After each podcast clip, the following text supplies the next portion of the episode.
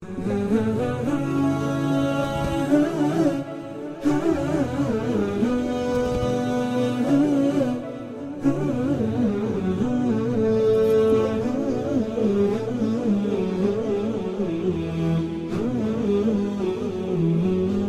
الرحمن الرحيم. الحمد لله رب العالمين. وصلى الله وسلم وبارك على سيدنا ونبينا محمد وعلى آله وصحبه أجمعين. اللهم علمنا ما ينفعنا وانفعنا بما علمتنا وأرزقنا الإخلاص والتوفيق والسداد في القول والعمل يا رب العالمين. حياكم الله والاخوه والأخوات في هذا اللقاء السادس عشر بعد المئة من لقاءات التعليق على تفسير الإمام عبد الله بن عمر البيضاوي الشافعي رحمه الله تعالى. واليوم هو الأحد الثاني والعشرين من شهر ربيع الأول من عام 1439 للهجرة.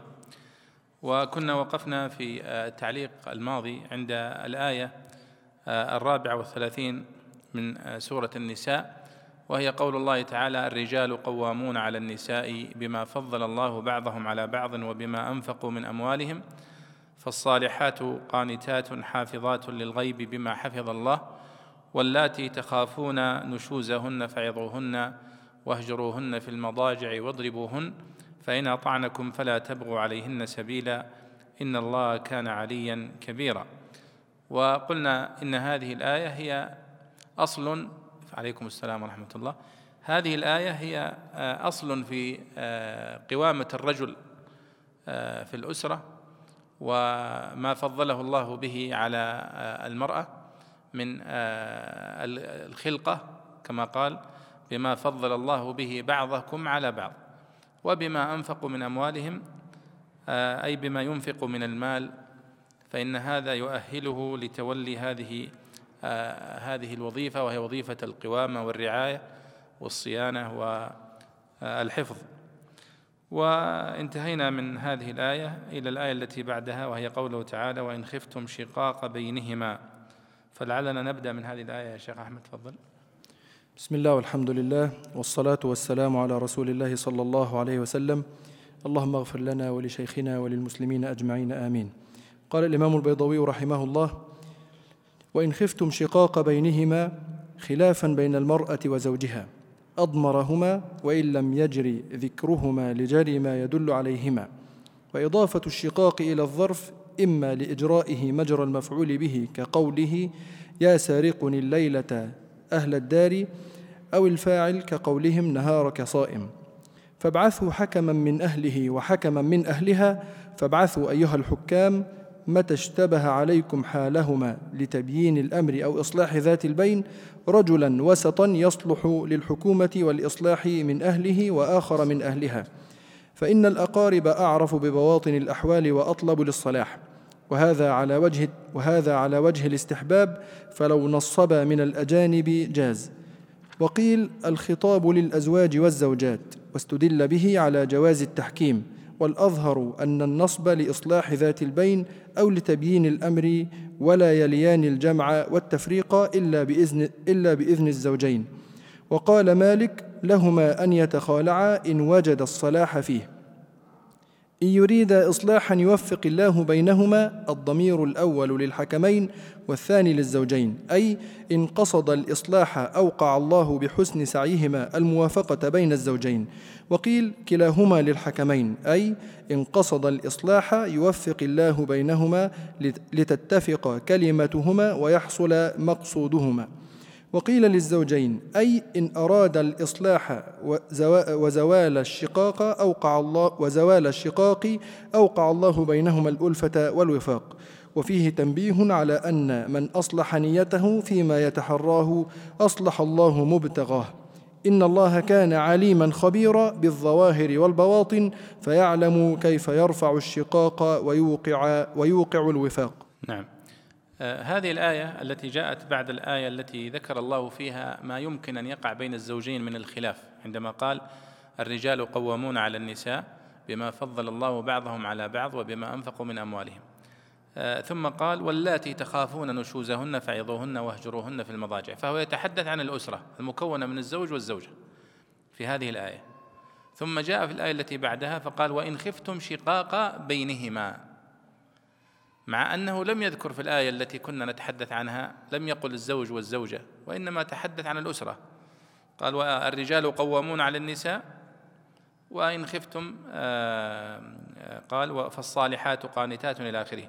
فذكر الرجال وذكر النساء والزوجات الصالحات. ثم قال وإن خفتم شقاق بينهما. فالمقصود بها الزوج والزوجة. يعني إن خيف وقوع النزاع والشقاق. والشقاق هو النزاع.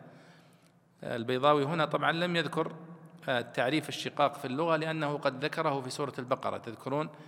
عندما قال آه، آه، وإن الذين اختلفوا في الكتاب لفي شقاق شقاق بعيد. وقلنا أن الشقاق هو أن يأخذ كل من الطرفين شق. يعني هذا في شق وهذا في شق من التباعد بينهما. فكذلك الشقاق بين الرجل وزوجته هو في هذا بهذا المعنى. فقال وإن خفتم شقاق بينهما قال خلافا بين المرأة وزوجها أضمرهما وإن لم يجري ذكرهما لجري ما يدل عليهما. يعني لأن الآية التي سبقت تتحدث عن الرجل والمرأة والأسرة فعبر عنهما هنا بالضمير. وإن خفتم شقاق بينهما. وهذا كما قلنا هو من الاختصار في اللغة العربية. الضمائر وأسماء الإشارة والأسماء الموصولة استخدامها هو من باب الاختصار والإيجاز في اللغة العربية. قال وإضافة الشقاق إلى الظرف إما لإجرائه مجرى المفعول به. يعني وإن خفتم شقاق بينهما. لاحظوا أنه آه، جاءت جاءت هذه القراءة على على المضاف والمضاف إليه. شقاق بينهما. ولم يقل وإن خفتم شقاقا بينهما. وإنما قال وإن خفتم شقاق بينهما. فيعني إشارة إلى يعني شدة هذا الخلاف بين الزوجين. فأضاف الشقاق إلى البين هنا شقاق بينهما إشارة إلى أنه نزاع شديد.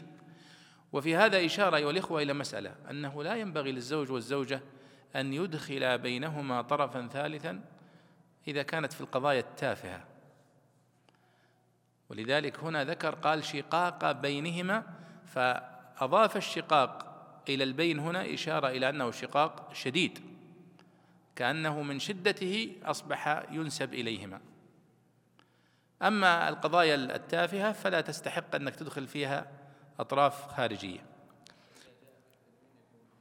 أي بالضبط. إذا كان وإن خفتم شقاقا بينهما فهو أخف. يعني شقاقا أيا كان سواء كان خفيفا أو ضعيفا. لكن شقاق بينهما هنا لا إشارة إلى أنه شقاق كبير. طيب. قال فابعثوا حكما من أهله وحكما من أهلها. يعني هذه الآية أصل في تشكيل لجان الإصلاح. هذه الآية هي أصل في تشكيل لجان الإصلاح الأسرية الموجودة. لذلك كل من يقوم اليوم بالإصلاح بين الأسر اللجان التي تشكل في المحاكم اللجان التي تشكل بلجان الصلح ونحوها كلها تدخل تحت هذه الآية. قال فابعثوا حكما من أهله وحكما من أهلها. إشارة إلى هذه اللجان الحكيمة. ولذلك سماه الله سبحانه وتعالى حكما. هنا قالوا من الحكمة. لأنه لا يصلح أن تدخل في إصلاح النزاعات إنسان أحمق. لأنه سوف يزيد الطين بلة ويزيد الشقاق شقاقا. وإنما هنا يصلح الحكماء العقلاء الذين يصلحون ولا يفسدون. فقال فابعثوا حكما من أهله وحكما من أهلها يعني من أهل الزوجة ومن أهل الزوج. قال الله فابعثوا أيها الحكام متى اشتبه عليكم حالهما لتبيين الأمر أو إصلاح ذات البين رجلا وسطا. والوسط هنا في اللغة العربية هو الرجل العاقل الحكيم كما في قوله سبحانه وتعالى وكذلك جعلناكم أمة وسطا قال المفسرون أي أمة تمتاز بالحكمة والرشد. وكما في قوله قال أوسطهم ألم أقل لكم لولا تسبحون؟ قالوا ليس المقصود أنه أوسطهم سنا. لا وإنما قال أوسطهم أي أعقلهم وأكثرهم حكمة وعقلا. وهذا وهذا هو المقتضى لأن الحكمة آه، ليست متعلقة بالسن. قد يكون أصغر واحد فيهم لكنه أعقلهم. ولذلك يقول أن زهير بن أبي سلمى في مدح قوم قال هم وسط يرضى الأنام بحكمهم إذا نزلت إحدى الليالي بمعظم فيمدحهم بأنهم عقلاء فيقول هم وسط يرضى الأنام بحكمهم يعني عقلاء حكماء. قال فإن الأقارب أعرف ببواطن الأحوال وأطلب للصلاح. وهذا على وجه الاستحباب فلو نصب من الأجانب جاز. يعني الآن يقول هنا أن قوله تعالى فابعثوا حكما من أهله وحكما من أهلها على وجه الاستحباب. طيب لو لم يكن في أقارب الزوج والزوجة من يستطيع أن يتولى هذا الأمر أو من يحسنه فليس هناك مانع أن يشكل لجنة من خارج الأقارب لكن يكونون يعني مرضيين من الطرفين. طيب قال وقيل الخطاب للأزواج والزوجات وإن خفتم شقاق بينهما. واستدل به على جواز التحكيم والأظهر أن النصب لإصلاح ذات البين أو لتبيين الأمر إلى آخره ولا يليان الجمع. طبعا هنا يقول أنه هذان الرجلان أو الشخصان اللذان يعني يشكلان لإصلاح ذات البين هم حسب الصلاحيات التي أعطيت لهم. فإن أعطيت لهم صلاحيات بإصلاح المشكلة فقط دون خلع أو دون طلاق فلهم في حدود هذه الصلاحيات فقط. لكن افرض أن الزوج قد قال لأحدهم تولى أنت الأمر من طرفي ولك مطلق الحرية. إن قبلت الإصلاح الإصلاح وإن قبلت الخلع خلع وإن قبلت الطلاق فأنت مفوض أن تطلق نيابة عني. فله ذلك. فله ذلك. ولو أيضا قالت الزوجة لي أيضا الحكم من طرفها أن لك حق الخلع أو لك حق الرجعة فأيضا له ذلك. فهي حسب ما تعطيها يعني يعطيه الزوج والزوجة لهذه اللجنة الإصلاحية التي تتولى الإصلاح. ولذلك قال هنا ولا يليان الجمع والتفريق إلا بإذن الزوجين. يعني يليان الجمع يعني الرجعة والتفريق أي الطلاق أو الخلع. وقال مالك لهما أن يتخالعا إن وجد الصلاح فيه. يعني الإمام مالك يقول حتى لو لم يأذن الزوج والزوجة للجنة أو للحكمين فإن الحكمين إذا وجد أن الإصلاح هو في الطلاق فلهما أن يلجأ إلى هذا الحل دون الرجوع للزوجين. قال إن يريد إصلاحا يوفق الله بينهما. لاحظوا هنا يا شباب مسألة مهمة جدا من مسائل أصول التفسير وأسباب اختلاف المفسرين في التفسير. الله يقول هنا وإن خفتم شقاق بينهما. قلنا أن الضمير في بينهما هنا يعود على الزوج والزوجة بالإجماع عند المفسرين. فابعثوا حكما من أهله أي الزوج وحكما من أهلها أي من الزوجة. الضمير هنا واضح. إن يريد إصلاحا يوفق الله بينهما. إن يريد الضمير هنا يعود على مين؟ هل يعود على الزوجين؟ أم يعود على الحكمين؟ هنا الخلاف. انظروا هذا سبب من أسباب اختلاف المفسرين دائما. وهو ما يسمونه عود الضمير. الضمير يعود على ماذا؟ إذا كان الضمير يعود على الزوجين فلها معنى. يعني إن يريد الزوجان إصلاحا يوفق الله بين الزوجين. هذا معنى. أو إن يريد الزوجان إصلاحا يوفق الله بين الحكمين. أو إن يريد الحكمان إصلاحا يوفق الله بين الزوجين. هذه ثلاث أقوال. أو قول رابع إن يريد الحكمان إصلاحا يوفق الله بين الحكمين فيصلان إلى نتيجة تصلح الأسرة. هذه أربعة أقوال موجودة في كتب التفسير. وسبب الاختلاف ماذا؟ هو عود الضمير. هل الضمير هنا يعود على الحكمين كله؟ أو يعني يريد وبينهما. يريد إصلاحا يوفق الله بينهما. فالبيضاوي ماذا يقول؟ الضمير الأول للحكمين والثاني للزوجين. إذا هو اختار هذا. يعني إن يريد الحكمان إصلاحا يوفق الله بين الزوجين. هذا اختيار البيضاوي. والبيضاوي اختاره بناء على ما رآه من السياق يعني إن يريد الحكمان إصلاحا لأن الضمير إليهما في الأخير قال فابعثوا حكما من أهله وحكما من أهلها إن يريدا. فكان آخر مذكور هو الحكمان وهناك قاعدة أخرى من قواعد اللغة أن الضمير يعود على أقرب مذكور. هذه قاعدة مضطردة. إلا في حالات لا يمكن أن يعود الضمير على أقرب مذكور. فمثلا مثل قوله سبحانه وتعالى آه، في سورة الفتح وتعزروه وتوقروه وتسبحوه بكرة وأصيلا. فقال وتعزروه. يجوز أن يعود على الضمير على النبي صلى الله عليه وسلم. التعزير هو النصرة. وتعزروه. وتوقروه النبي صلى الله عليه وسلم. وتسبحوه. لا يمكن يعود على النبي صلى الله عليه وسلم. فيعود على الله سبحانه وتعالى وهو ليس أقرب مذكور. فهنا لماذا لماذا قلنا أنه لا يمكن أن يعود الضمير هنا على أقرب مذكور؟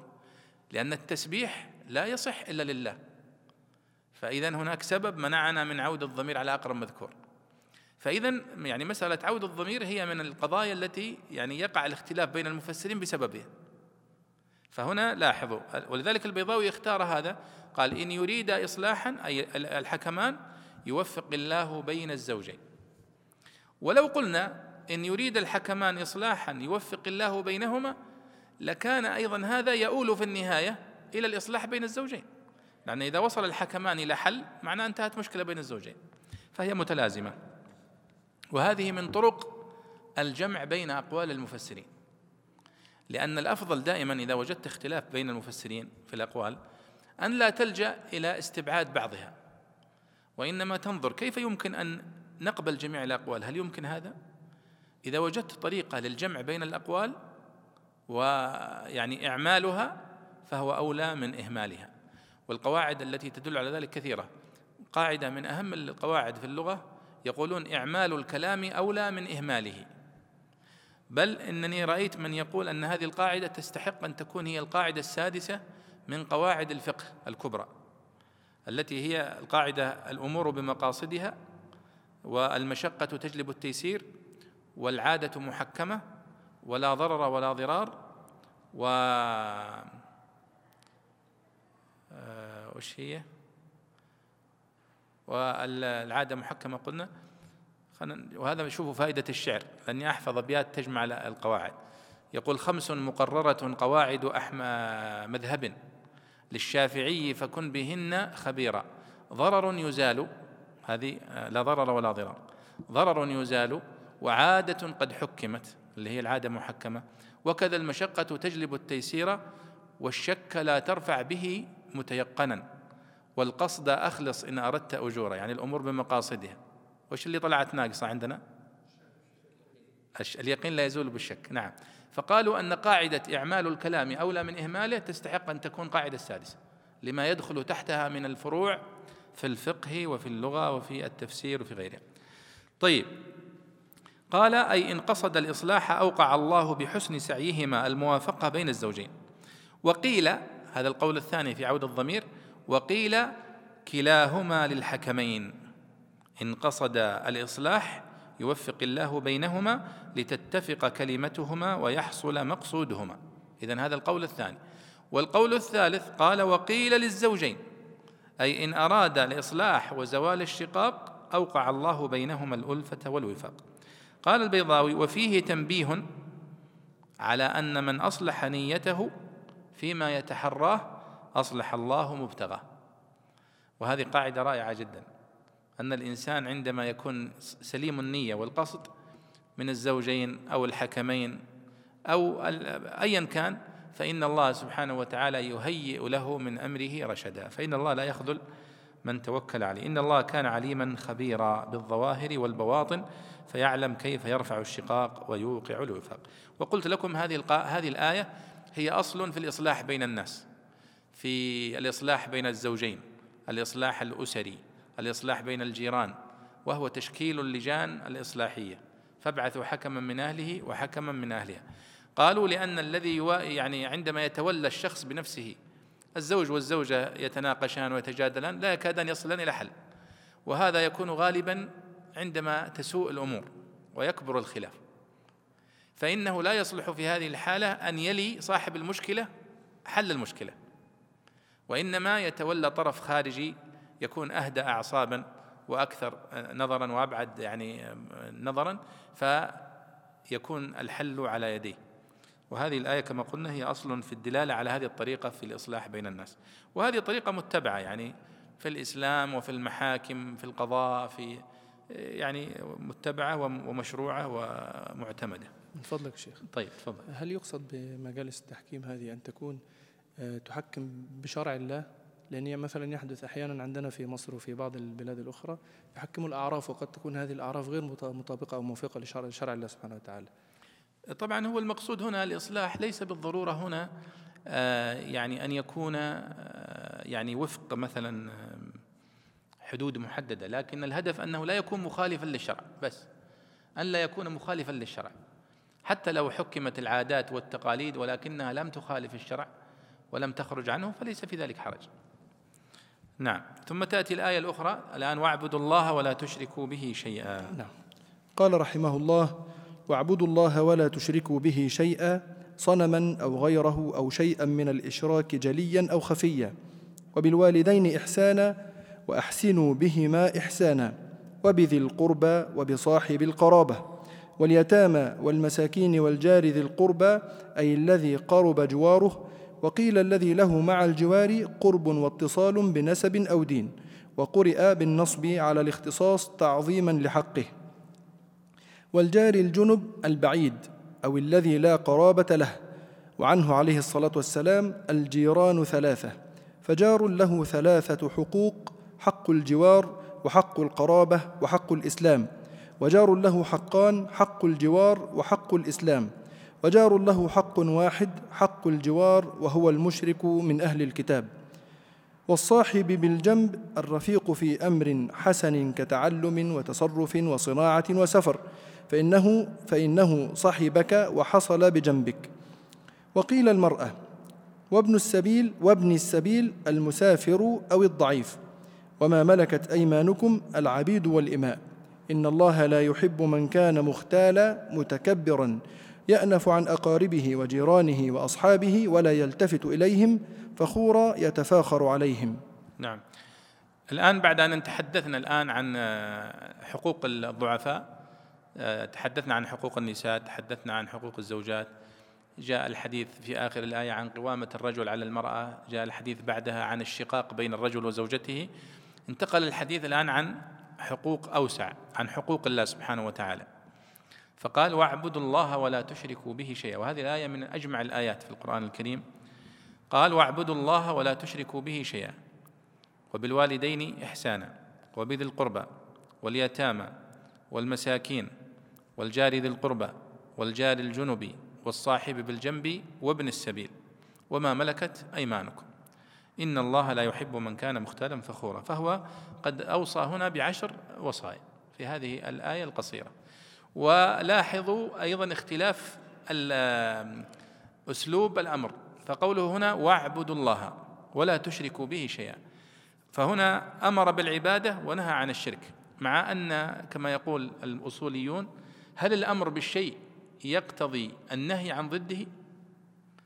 يعني عندما أقول اعبدوا الله هل يدخل فيها لا تعبد غيره؟ نعم. وإذا قلت لا تشركوا به شيئا ألا يدخل فيها وحدوه؟ نعم. لكنه طيب لماذا جاء هنا فأمر بالشيء وأمر ونهى عن ضده في نفس الأمر؟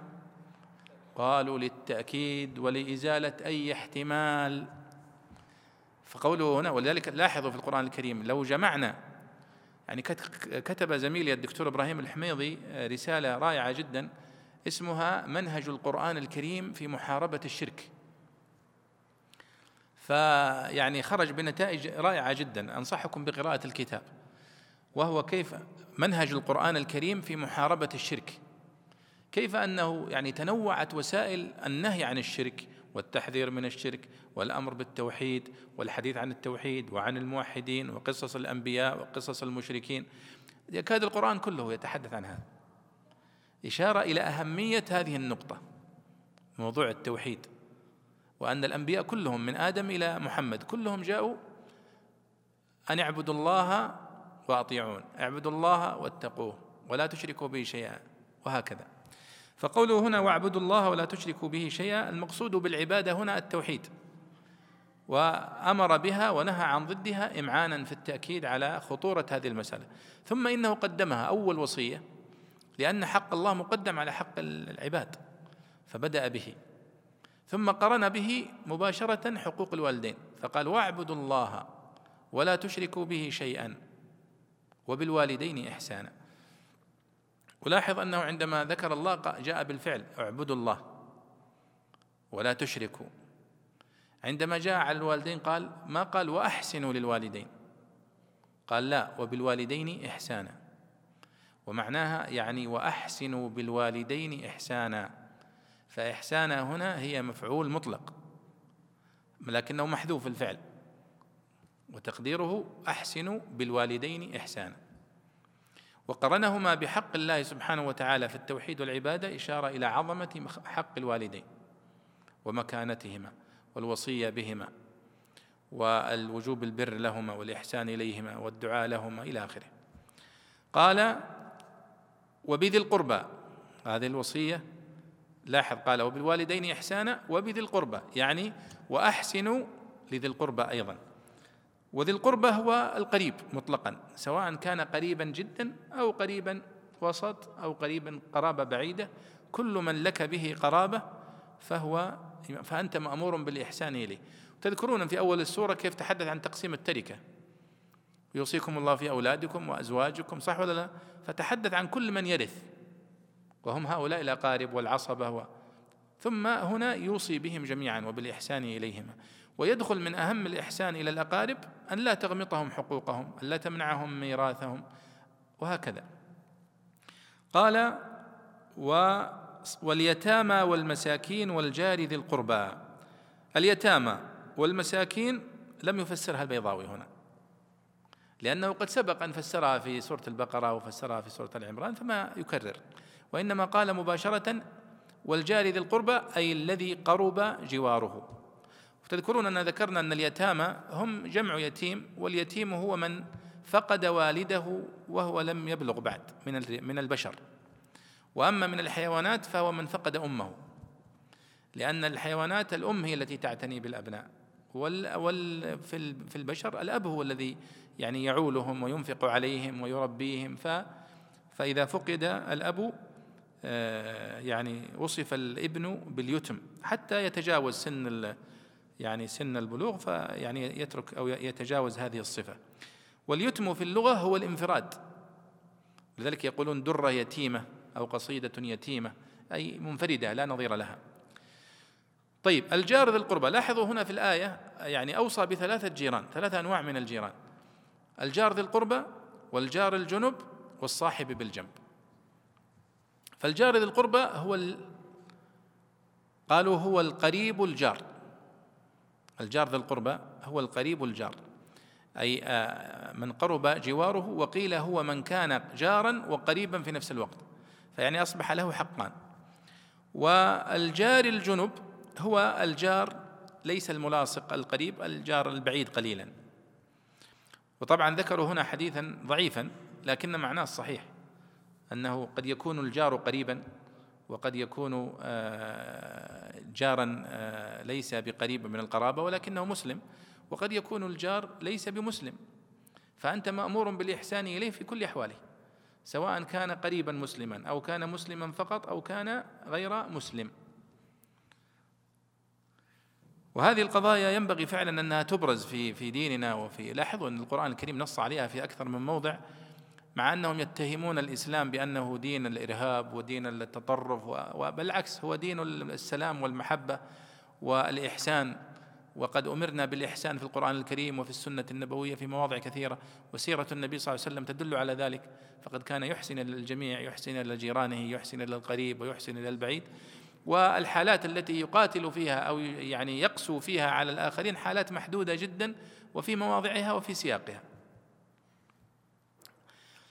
قال والجاري والصاحب بالجنب الصاحب بالجنب هو الرفيق. آه، صديقك في السفر أو في التعليم أو في الوظيفة أو في غيرها. فإن صحبك وحصل بجنبك سمي الصاحب بالجنب. وقيل المرأة أن المرأة تدخل في هذا أنها الصاحب بالجنب. وابن السبيل هو المسافر. إذا أطلق ابن السبيل في القرآن الكريم فهو المسافر. وقال هنا أو الضعيف أو الضعيف. لكن الصحيح أنه المسافر المنقطع فإن الإحسان إليه مندوب إليه لحاجته. وما ملكت أيمانكم العبيد والإماء. ثم ختم الله سبحانه وتعالى بقول إن الله لا لا يحب من كان مختالا فخورا.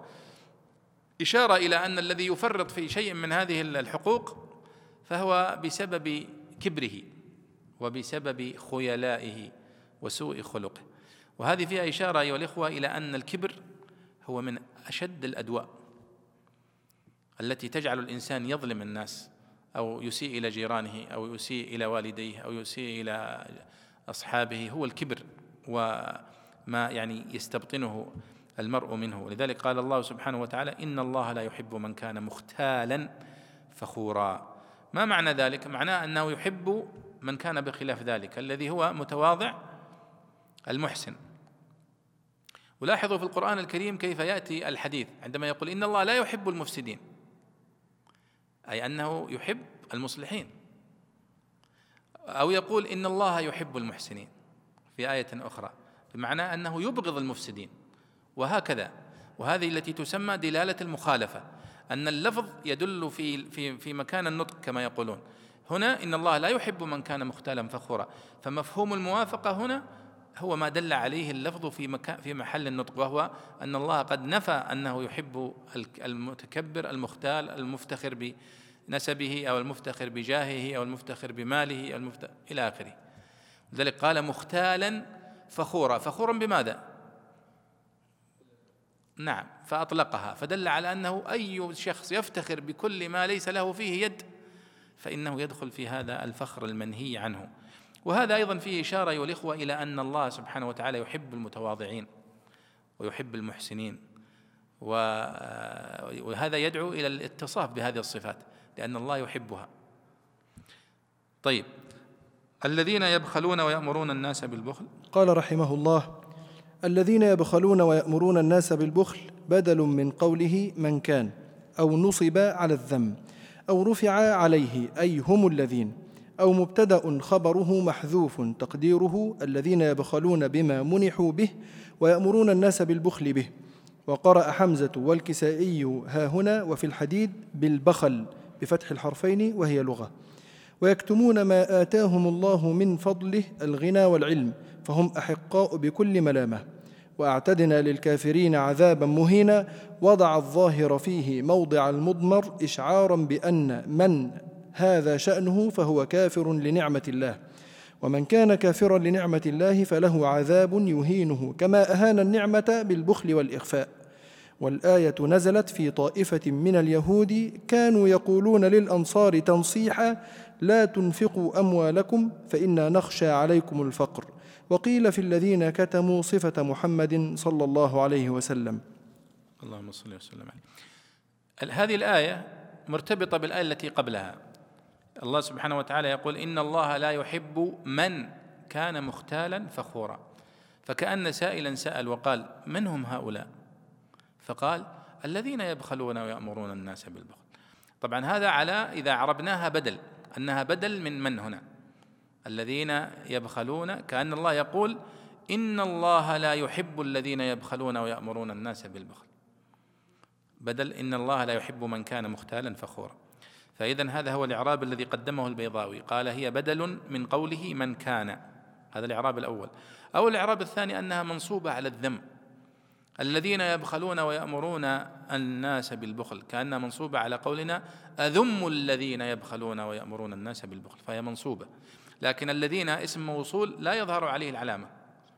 النصب ما تظهر عليه ولا الرفع تظهر عليه. أو رفع رفع عليه أي رفع أيضا على الذم أي هم الذين أو مبتدأ خبره محذوف تقديره الذين يبخلون بما منحوا به ويأمرون الناس بالبخل به. فهذه كلها أعاريب أربعة وردت في هذه الآية. يعني لو سألتكم أعربوا قول الله تعالى الذين يبخلون ويأمرون الناس بالبخل فقال أحدكم هي بدل من قوله من كان إن الله لا يحب من كان مختالا. فتصبح مثلا بدل من آه، مفعول به.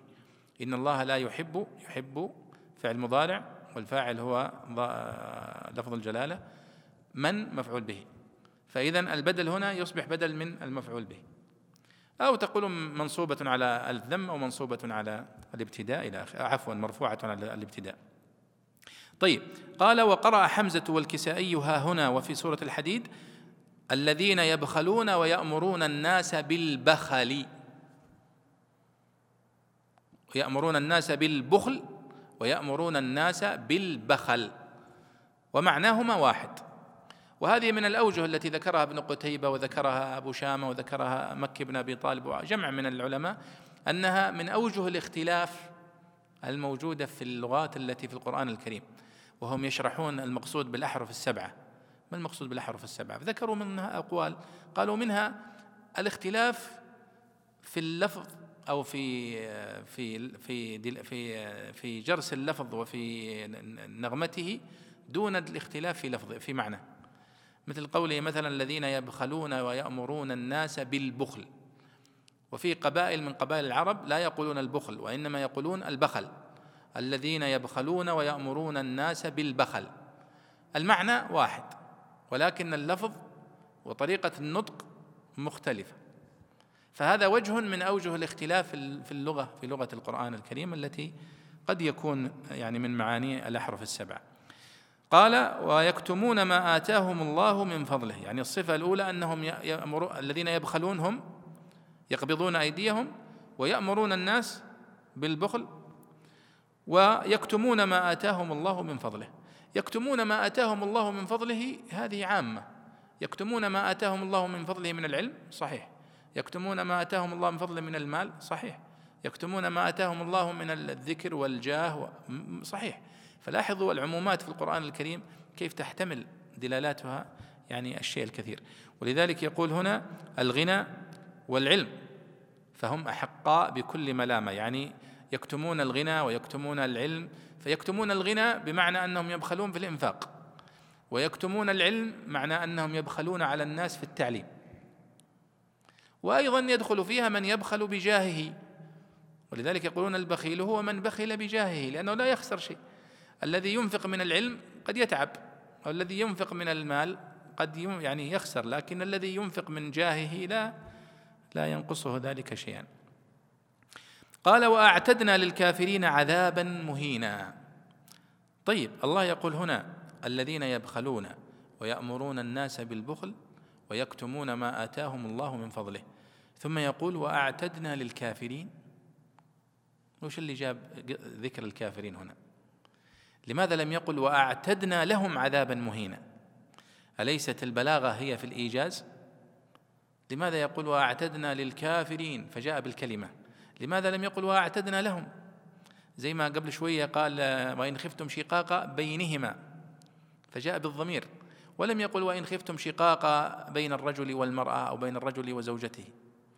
هذا ماذا يسمونه في البلاغة؟ يقولون هذا وضع الظاهر موضع المضمر.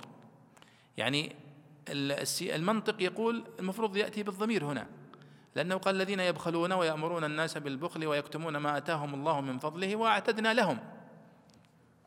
فالضمير يؤدي الغرض. لكنه لا لم يأتي بالضمير وإنما جاء بالاسم نفسه. فقال وأعتدنا للكافرين عذابا مهينا.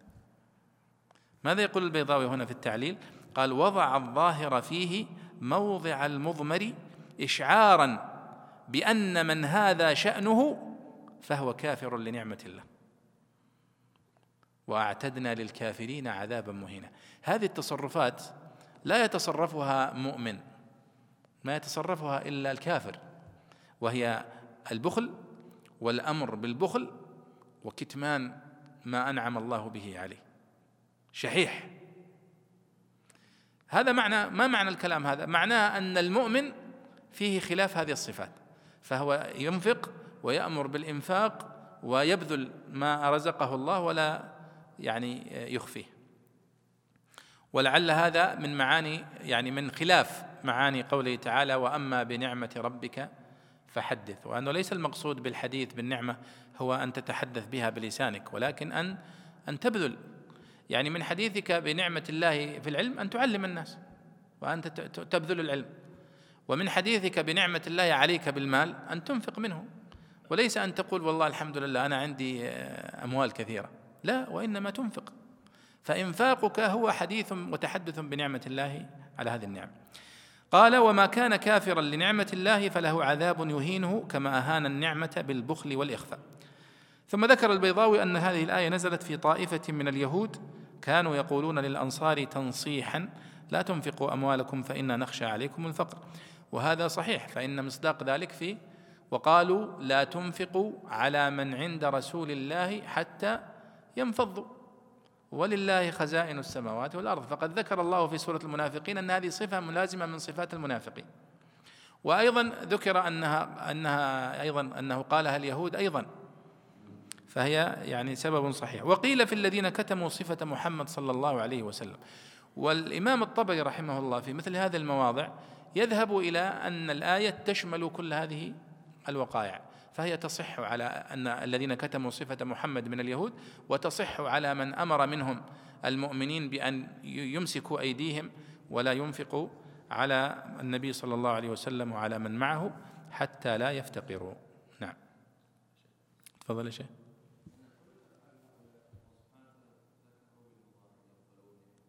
أحسنت.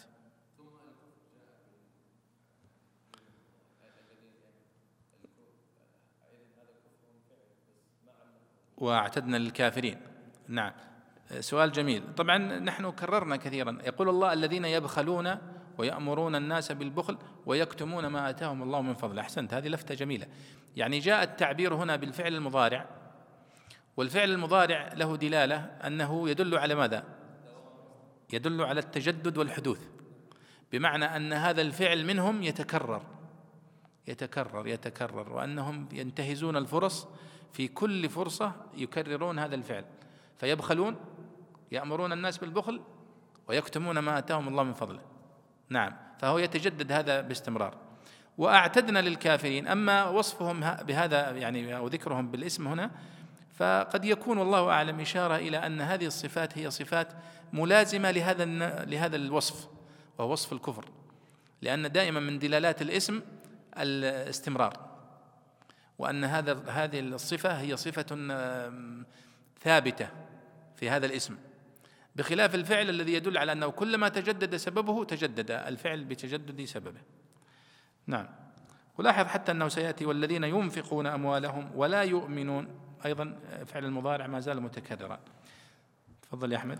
قال رحمه الله والذين ينفقون أموالهم رئاء الناس عطف على الذين يبخلون أو الكافرين. وإنما شاركهم في الذم والوعيد لأن البخل والسرف الذي هو الإنفاق لا على من ينبغي من حيث إنهما طرف إفراط وتفريط سواء في القبح واستجلاب الذم. أو مبتدأ خبره محذوف مدلول عليه بقوله ومن يكن الشيطان له قرينا. ولا يؤمنون بالله ولا باليوم الآخر ليتحروا بالإنفاق مراضيه وثوابه وهم مشركو مكة. وقيل هم المنافقون. ومن يكن الشيطان له قرينا فساء قرينا تنبيه على أن الشيطان قرنهم فحملهم على ذلك وزينه لهم كقوله تعالى إن المبذرين كانوا إخوان الشياطين والمراد إبليس وأعوانه الداخلة والخارجة. ويجوز أن يكون وعيدا لهم بأن يقرن بهم الشيطان في النار. طبعا أيضا لاحظوا طبعا هذه الآيات يصح أنها تكون كما قلنا في المنافقين يصح أن تكون في الكفار في اليهود خصوصا. أيضا يقول من صفات هؤلاء؟ من صفات هؤلاء؟ أنهم ينفقون أموالهم رئاء الناس. فكأنه في الآية التي قبلها أنه قال يأمرون الناس يبخلون ويأمرون الناس بالبخل ويكتمون ما آتاهم الله من فضله. فلكن هناك صنف منهم ينفقون. لكنهم ينفقون ليس لوجه الله ولكنهم ينفقون رئاء. فقال والذين ينفقون أموالهم رئاء الناس ولا يؤمنون بالله ولا باليوم الآخر. فعطف على الذين يبخلون أو وعلى الكافرين في قوله واعتدنا للكافرين. وإنما شاركهم في الذم والوعيد لأن البخل والسرف الذي هو الإنفاق لا على من ينبغي من حيث إنهما طرف إفراط وتفريط. يعني أنت الآن إما أن يكون بخيلا لا ينفق شيئا وهذا مذموم وإما أن يكون منفقا ولكنه في غير محله ورياء وسمعة للناس. فهذا أيضا مذموم. اذا ما هو المحمود؟ هو الإنفاق في وجهه. والإنفاق في وجهه ليس فيه سرف.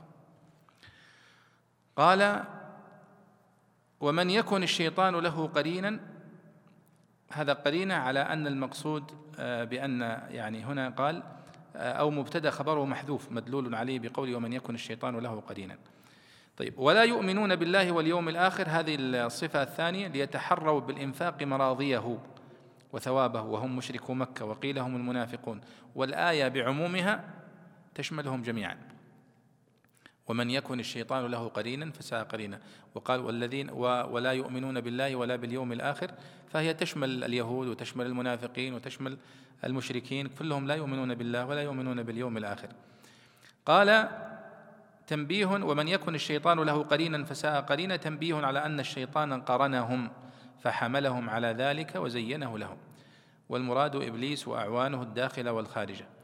وهذا أيها الإخوة يعني آه، وصف يعني دقيق فعلا لطائفة في في المجتمعات من المنافقين أو من المستكبرين أو من الكافرين كيف أنهم ينفقون الأموال الطائلة في غير وجهها من باب المفاخرة من البغي من ولكنهم يبخلون بالدرهم والدينار والفلس على من يستحقه وهذا من الخذلان. ولذلك تجد بعضهم ملياردير كبير. لكن ما يوفق لعمل الخير. وتجد شخصا ليس لا يقارن به في الثروة ولكنه موفق لعمل الخير وللإنفاق في سبيل الله ويبارك الله في إنفاقه. وهذا كله كما قال هنا في الآية التي قبلها الذين يبخلون ويأمرون الناس بالبخل ثم قال آه، في الآية التي فيها نعم الأولى إن الله لا يحب من كان مختالا فخورا. كيف أن هذه الصفات وهي صفة الخيلاء والكبر والنفاق والإصرار على النفاق كلها تصرف الإنسان عن أعمال البر وعن أعمال الخير فلا يوفق.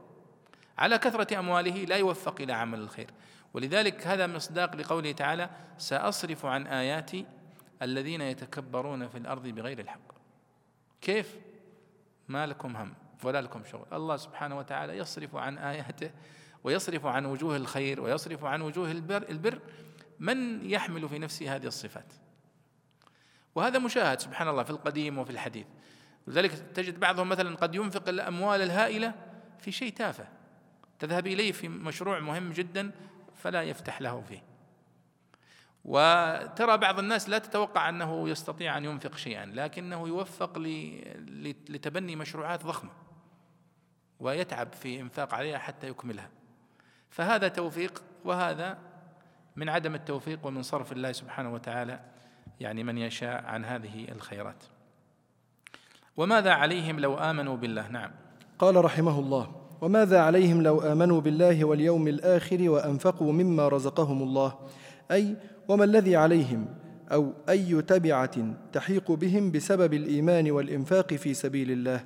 وهو توبيخ لهم على الجهل بمكان المنفعة والاعتقاد في الشيء على خلاف ما هو عليه وتحريض على الفكر لطلب الجواب لعله يؤدي بهم إلى العلم آه، إلى العلم بما فيه من الفوائد الجليلة والعوائد الجميلة وتنبيه على أن المدعو إلى أمر لا ضرر فيه ينبغي أن يجيب, له يجيب إليه احتياطا فكيف إذا تضمن المنافع؟ وإنما قدم الإيمان ها هنا وأخره في الآية الأخرى لأن القصد بذكره إلى التخصيص ها هنا والتعليل ثم وكان الله بهم عليما وعيد لهم. ما شاء الله. آه الله سبحانه وتعالى يقول يعني من باب التوبيخ لهؤلاء البخلاء المستكبرين الذين ينفق لا ينفقون ويأمرون الناس بالبخل أو ينفقون رياء وبذخا وتبذيرا. فقال وماذا عليهم؟ لو آمنوا بالله واليوم الآخر وأنفقوا مما رزقهم الله. يعني لاحظوا مع أن أركان الإيمان ستة صح؟ الإيمان بالله واليوم الآخر وملائكته وكتبه بالقضاء خيره وشره. لكنه كثيرا ما يقرن بين اثنين منهما فقط الإيمان بالله والإيمان باليوم الآخر. فتتكرر في القرآن الكريم كثيرا. آه، لا يؤمنون بالله ولا باليوم الآخر. لا يؤمنون بالله واليوم الذين يؤمنون بالله واليوم الآخر كثيرة في القرآن الكريم. ويعني قد تكلم عنها العلماء والمفسرون والباحثون في في بحوث كثيرة. هنا يقول الله وماذا عليهم؟ يعني ويحهم. وهذا توبيخ لهم. ما ضرهم؟ لو آمنوا بالله واليوم الآخر وأنفقوا مما رزقهم الله. هذا في إشارة أولا إلى أنه لا يمكن للإنسان أن يوفق للإنفاق في سبيل الله وتطيب نفسه بذلك إذا لم يكن مؤمنا بالله واليوم الآخر. وفيها إشارة إلى أن الذي ينفق في سبيل الله فإن هذا معناه معناه أن إيمانه آه، يعني أعانه وساعده على ذلك.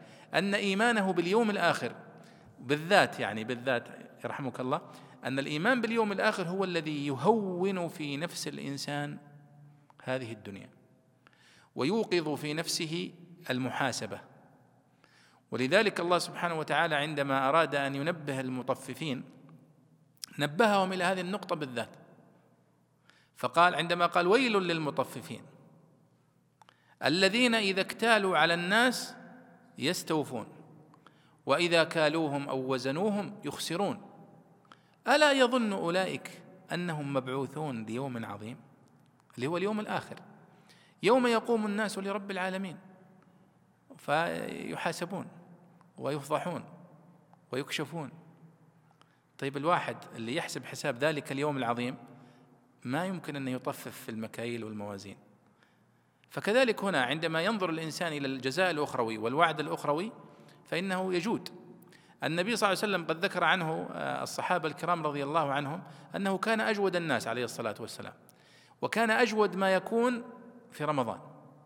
إذا لقيه جبريل يدارسه القرآن. ليش؟ معناها أنه ارتفع عنده منسوب الإيمان والتذكر الآخرة فهانت في عينه الدنيا فزاد جوده بها. وهذه مسألة تكاد تكون طردية. كلما زاد الإيمان في نفس الإنسان زاد إيمانه وإنفاقه وعطاؤه وقل حرصه على الدنيا. ولذلك قال الله سبحانه وتعالى ومن يوق شح نفسه فأولئك هم المفلحون. أن الإنسان عندما يوق شح نفسه وكيف يوق شح نفسه؟ عندما يزيد إيمانه بالله وباليوم الآخر وهو يوم الجزاء ويوم العطاء ويوم المضاعفة ويوم ال... فيسترخص الإنسان وينفق كل ما في يده أملا في ذلك اليوم. لكن عندما لا يؤمن بذلك اليوم وش اللي يخليني أدفع طيب؟ أخسر. لا يمكن. ولذلك لاحظوا في في في, في الإسلام وفي القرآن والسنة الحديث عن الزكاة. الله يسمي الزكاة يسميها زكاة مع أنها في ظاهر الأمر ليست كذلك. يعني الزكاة هي نقص في المال. يعني أنت عندك مثلا مبلغ من المال أنت سوف تدفع منه زكاة صح؟ معناها نقص المال. لكن الله ما سماه نقص سماها زكاة. زيادة. صح؟ والربا ظاهره زيادة لكن الله سماه محق يمحق الله الربا. فكل واحد منها بخلاف ظاهره. فالزكاة في ظاهرها نقص لكنها في حقيقتها بركة ونماء وزيادة. وهي تعود إلى أن الإنسان يدافع نفسه الشحيحة وينفق المال ويدفعه. ولذلك بعضهم من أصحاب الملايين وبعضهم ينظر إلى الزكاة عندما يخرجها فيستكثرها. يعني مثلا عندك مليار فتكون الزكاة مثلا 25 مليون. يقول لا كثير 125 مليون. 25 مليون زكاة. طيب انظر إلى رأس المال. فيتلاعب في الحسابات حتى يخرج مثلا خمسة مليون سبعة مليون والباقي يتصرف فيه. ولذلك أذكر أحدهم فعل مثل هذا الفعل فاحترقت المستودعات. فيقول أول ما سمعت بخبر الحريق تذكرت هذا الفعل. أنني فعلا أردت أن استكثرت المبلغ فأحببت أن أوفر بشكل أو بآخر فعوقبت مباشرة. ولذلك الله سبحانه وتعالى عندما يقول هنا الذين وماذا عليهم لو آمنوا بالله واليوم الآخر وأنفقوا مما رزقهم الله؟ حتى لاحظ أنه ما قال وأنفقوا من أموالهم قال لا أنت عندما تؤمر بالإنفاق أنت لا تؤمر بالإنفاق من يعني من مالك أنت هذا من مال الله الذي استأمنك عليه. ولذلك دائما تلاحظون أكثر ما يقول وأنفقوا مما رزقناهم. فيبدي لك فضله عليك حتى لا تغتر بأنك عندما تنفق أنك أنفقت من من مالك. لا وإنما هو من ما رزقك الله سبحانه وتعالى. ولاحظوا أنه دائما يقول مما رزقهم الله ولا يقول وأنفقوا ما رزقهم الله. لا وإنما مما رزقهم الله. إشارة إلى قلة ما طالبك الله بإخراجه من من مالك. قال وهو توبيخ لهم على الجهل بمكان المنفعة والاعتقاد في الشيء على خلاف ما هو عليه. ولذلك هذا الاستفهام يسمى استفهام استنكاري. هذا من أغراض الاستفهام في اللغة العربية أن يأتي للاستنكار والتوبيخ. طيب وكان الله بهم عليما. هنا ذكر البيضاوي فائدة جميلة. قال وإنما قدم الإيمان ها هنا. قال وماذا عليهم لو آمنوا بالله واليوم الآخر وأنفقوا؟ فقدم الإيمان وأخر الإنفاق. قال وأخره في الآية الأخرى السابقة في قوله والذين ينفقون أموالهم ولا يؤمنون. ففي الآية الأولى قدم الإيمان عفوا قدم الإنفاق والذين والذين ينفقون أموالهم رئاء الناس ولا يؤمنون. وفي الآية التي بعدها وماذا عليهم لو آمنوا وأنفقوا؟ لماذا؟ قال البيضاوي إنما قدم الإيمان ها هنا وأخره في الآية الأخرى لأن القصد بذكره إلى التخصيص ها هنا والتعليل ثم يعني في الآية الأولى والذين ينفقون أموالهم رئاء الناس لماذا ينفقونها رئاء الناس؟ لأنهم لا يؤمنون بالله فجاءت ذكر الإيمان هنا تعليلا لإنفاقهم رياء وفي الآية الثانية قال من باب التخصيص وتقديم الإيمان وتقديم ما هو أهم وما هو سبب في الإنفاق. لأنه الذي يدفعك للإنفاق هو الإيمان. طيب. قال رحمه الله إن الله لا يظلم مثقال ذرة لا ينقص من الأجر ولا يزيد في العقاب أصغر شيء كالذرة وهي النملة الصغيرة ويقال, ويقال لكل جزء من أجزاء الهباء والمثقال مفعال من الثقل. وفي ذكره إيماء إلى أنه وإن صغر قدره عظم جزاؤه وإن تك حسنة وإن يكن مثقال الذرة حسنة وأنث الضمير لتأنيث الخبر أو لإضافة المثقال إلى مؤنث وحذف النون من غير قياس تشبيها بحروف العلة وقرأ ابن كثير ونافع حسنة بالرفع على كان التامة يضاعفها يضاعف ثوابها. وقرأ ابن كثير وابن عامر ويعقوب يضعفها وكلاهما بمعنى ويؤتي من لدنه ويعطي صاحبها من عنده على سبيل التفضل زائدا على ما وعد في مقابلة العمل. اجرا عظيما عطاء جزيلا وإنما سماه اجرا لأنه تابع للأجر مزيد عليه. نعم. إن الله لا يظلم مثقال ذرة. يعني لاحظوا في الآيات التي سبقت كيف يحث على الإنفاق ويأمر بالإنفاق و ثم يعني جاء في هذه الآية ليثبت ويقول أن الجزاء في الآخرة حساس جدا فكل ما ينفقه الإنسان ولو قل فإنه سوف يجازى عليه وسوف يضاعف له. فقال إن الله لا يظلم مثقال ذرة وهذه قاعدة وهي متكررة في القرآن الكريم. إن الله لا يظلم الناس شيئا إن الله لا يظلم مثقال ذرة. إلى آخره. وكلها يعني قواعد كلية. وهذا من العموم الذي لا استثناء له. كما يقول السيوطي يقول وهو قليل. يعني لا يكاد يوجد عموم في القرآن الكريم إلا وقد خصص. إلا مثل هذه الآيات. إن الله بكل شيء عليم. إن الله على كل شيء قدير.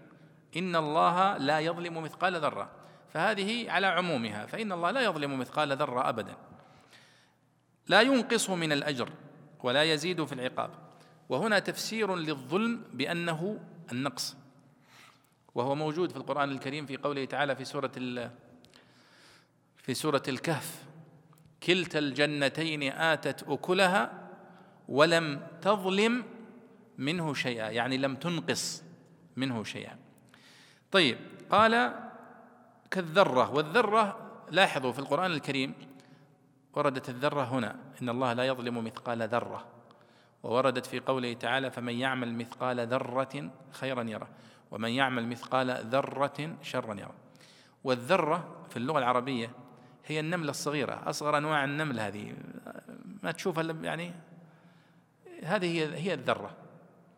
ومنه قول النبي صلى الله عليه وسلم أن الناس المتكبرين يوم القيامة يعني يؤتى بهم تحت أقدام الناس في عرصات القيامة كأمثال الذر يطأهم الخلائق.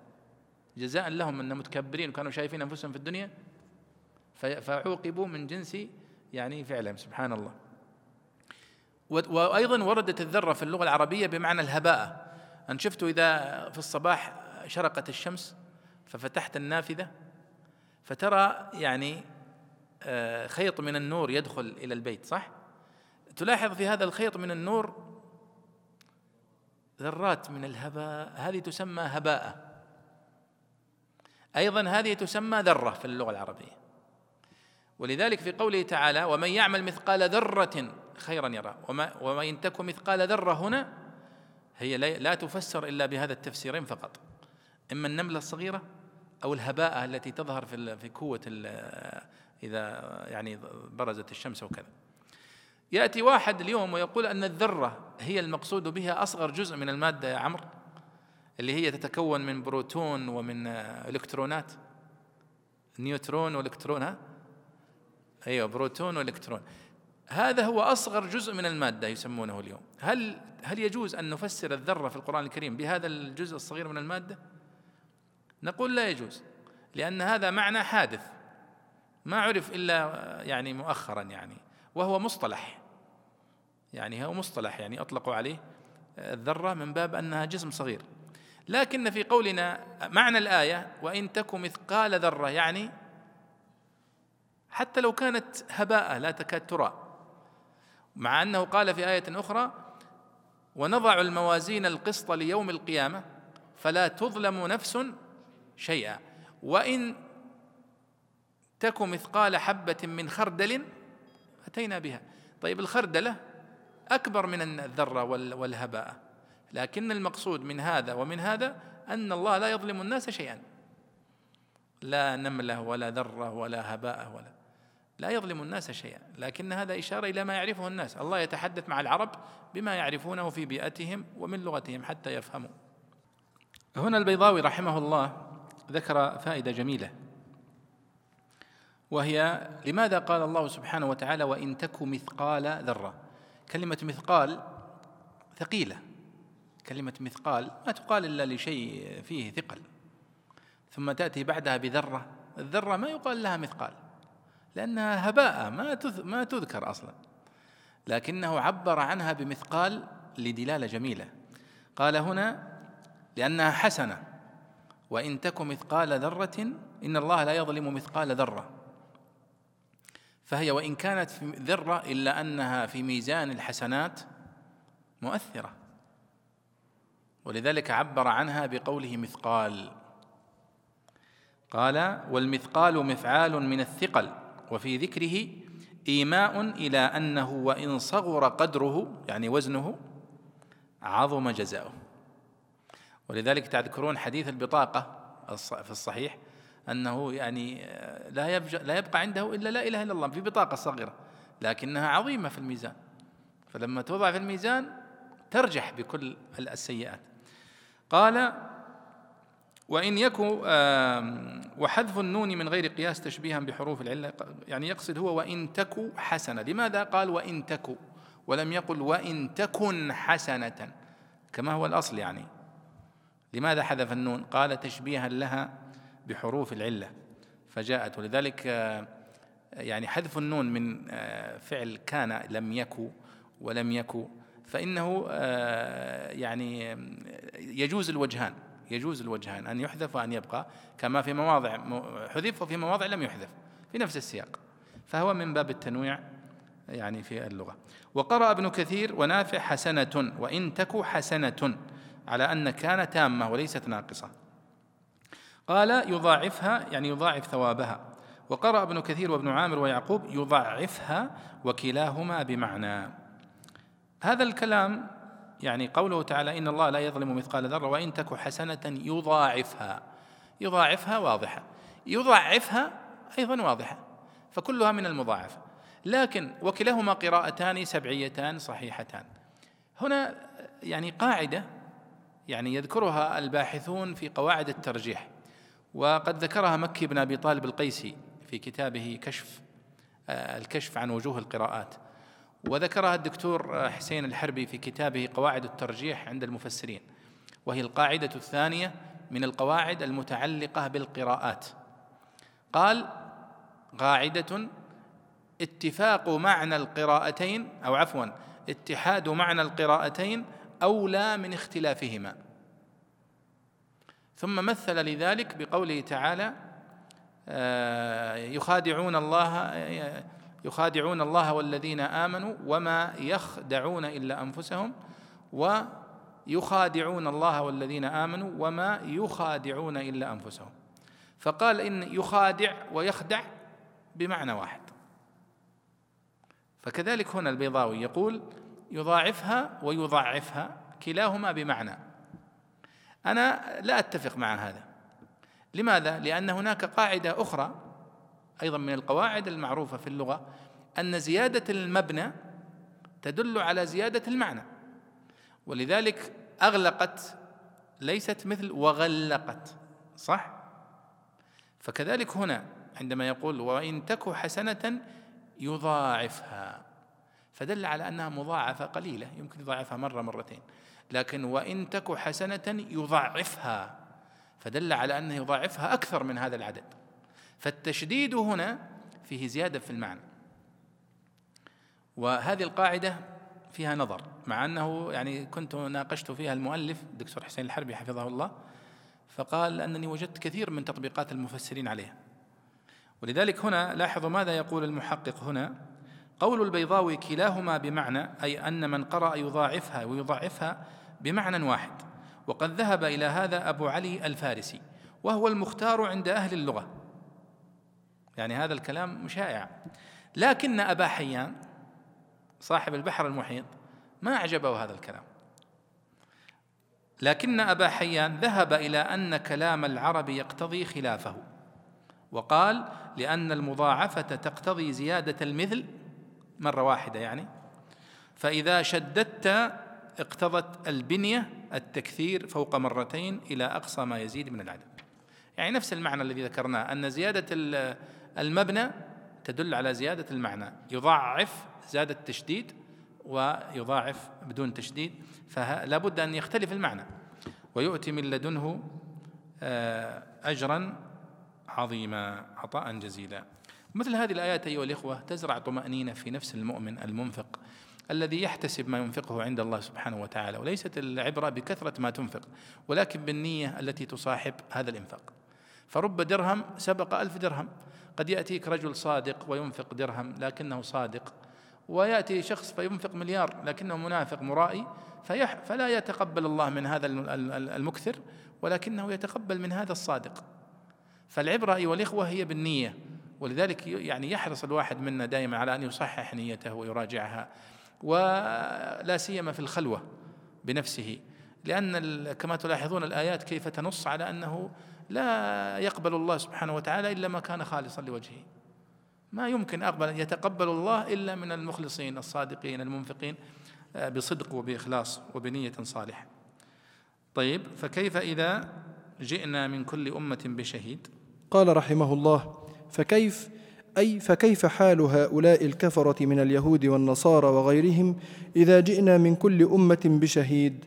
يعني نبيهم يشهد على فساد عقائدهم وقبح أعمالهم.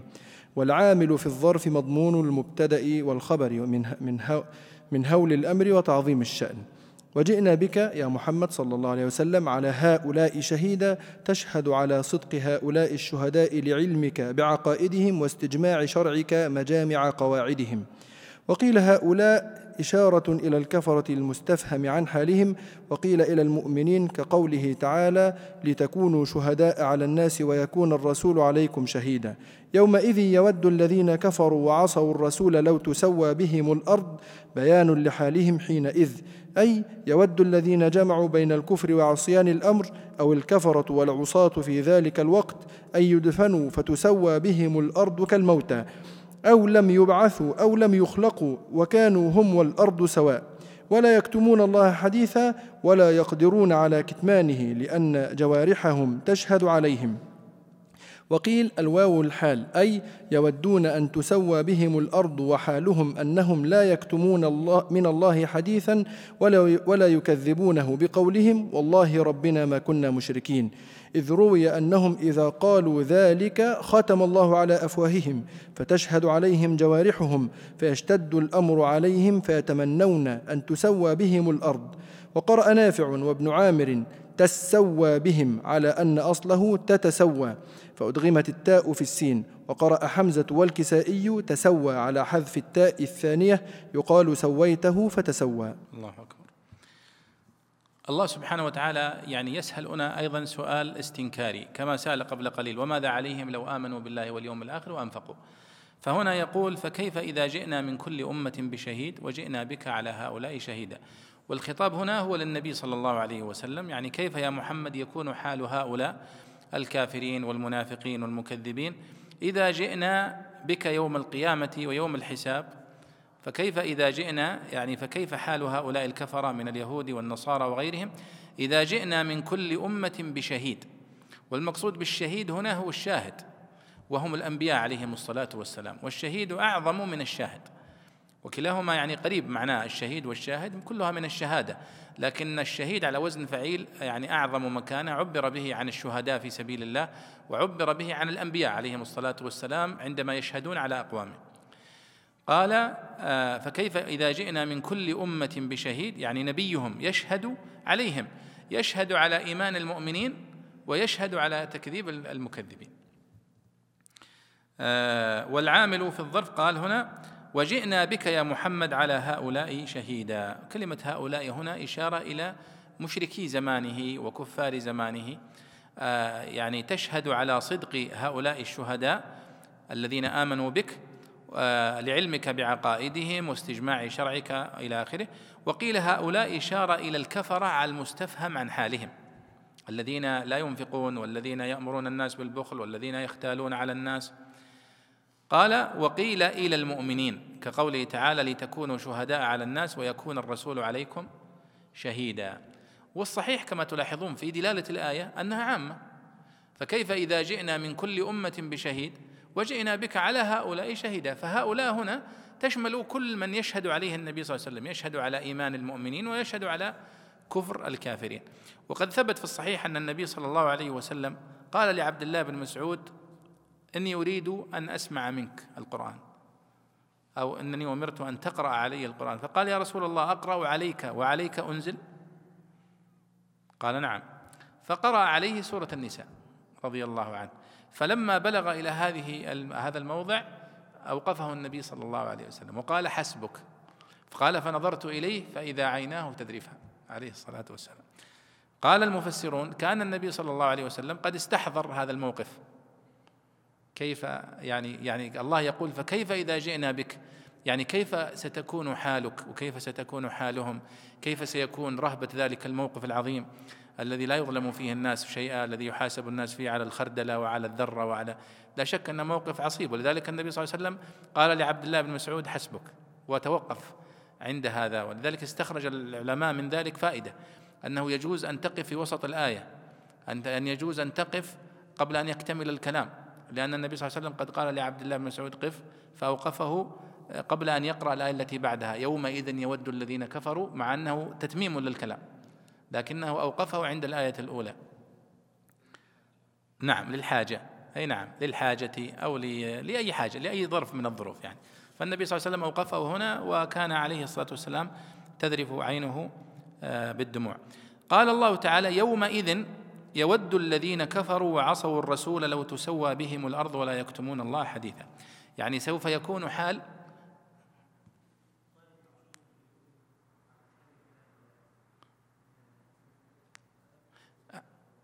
أحسنت نعم أحسنت. هذا استقراء شخصي منه.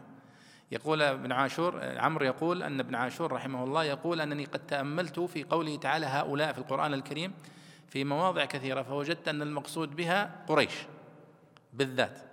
لكنك لو تأملت في أن الآية مدنية سورة النساء مدنية ويعني النبي صلى الله عليه وسلم قد هاجر كما تعلم. فالوسط الذي كان يعيش فيه هو وسط المنافقين ووسط اليهود. فلذلك يعني يعني الأولى أن تحمل على الجميع أن تحمل على كل من يصح أن النبي يشهد عليه وهو يشهد على المنافقين وعلى الكفار وعلى المؤمنين وعلى المشركين أيضا. قال يومئذ يود الذين كفروا. يومئذ هنا التنوين هنا هو تنوين عوض عن جملة. يعني يوم نجيء بك آه، شهيدا على هؤلاء وإلى آخره يود الذين كفروا. فالتنوين هنا تنوين عوض يومئذ. يود الذين كفروا وعصوا الرسول لو تسوى بهم الأرض. بعض المفسرين يقول وجئنا بك على هؤلاء شهيدا هم الكفار خصوصا. ما هو الدليل؟ قال والدليل أنه قال بعدها يود الذين كفروا وعصوا الرسول. فهم المقصودون. وهذا وجه من أوجه الترجيح. يعني لو جاء مفسر وقال أنا أرى أن هؤلاء هنا الكفار بالذات ولا نحمله على العموم مطلقا. بدليل أنه جاء في الآية التي بعدها فقال يومئذ يود الذين كفروا وعصوا الرسول فخصهم بالذكر. فنقول هذا وجه من أوجه الترجيح فعلا. يعني له وجه.